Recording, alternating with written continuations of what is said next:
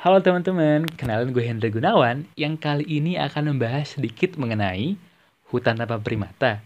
Ada nggak sih dampaknya? Sebelum lebih lanjut, pada tahu nggak nih primata itu apa?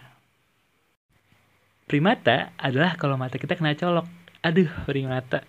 Bukan, bukan, bukan. Canda. Serius nih. Primata menurut Wikipedia adalah hewan mamalia anggota ordo biologi primates yang dalamnya termasuk hewan lemur, tarhius, monyet, kera, dan orang utan. Ini contoh suaranya.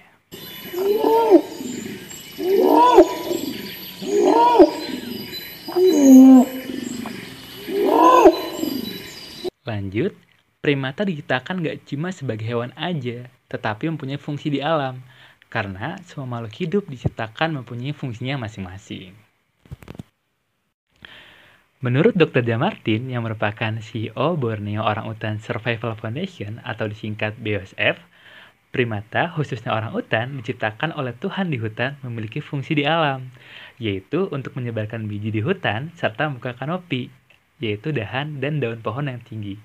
Karena orang hutan tidur di sana, sehingga dengan terbukanya kanopi, sinar matahari bisa masuk ke hutan. Nah, sinar matahari yang masuk ke hutan membuat biji yang tersebar tadi tumbuh dan berkembang menjadi pohon, serta pohon dapat melakukan fotosintesis.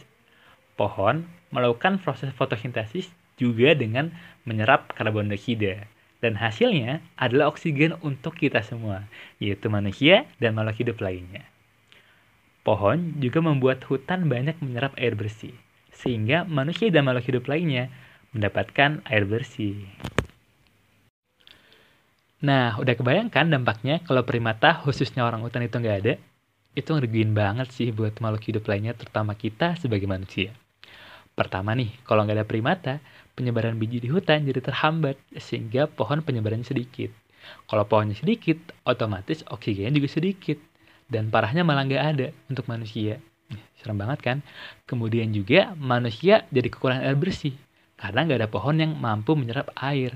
Pertanyaannya, ada nggak sih manusia yang bisa hidup tanpa oksigen dan air bersih? Gak ada pasti. Maka dari itu, yuk kita sama-sama menjaga kelestarian primata dengan menjaga habitatnya.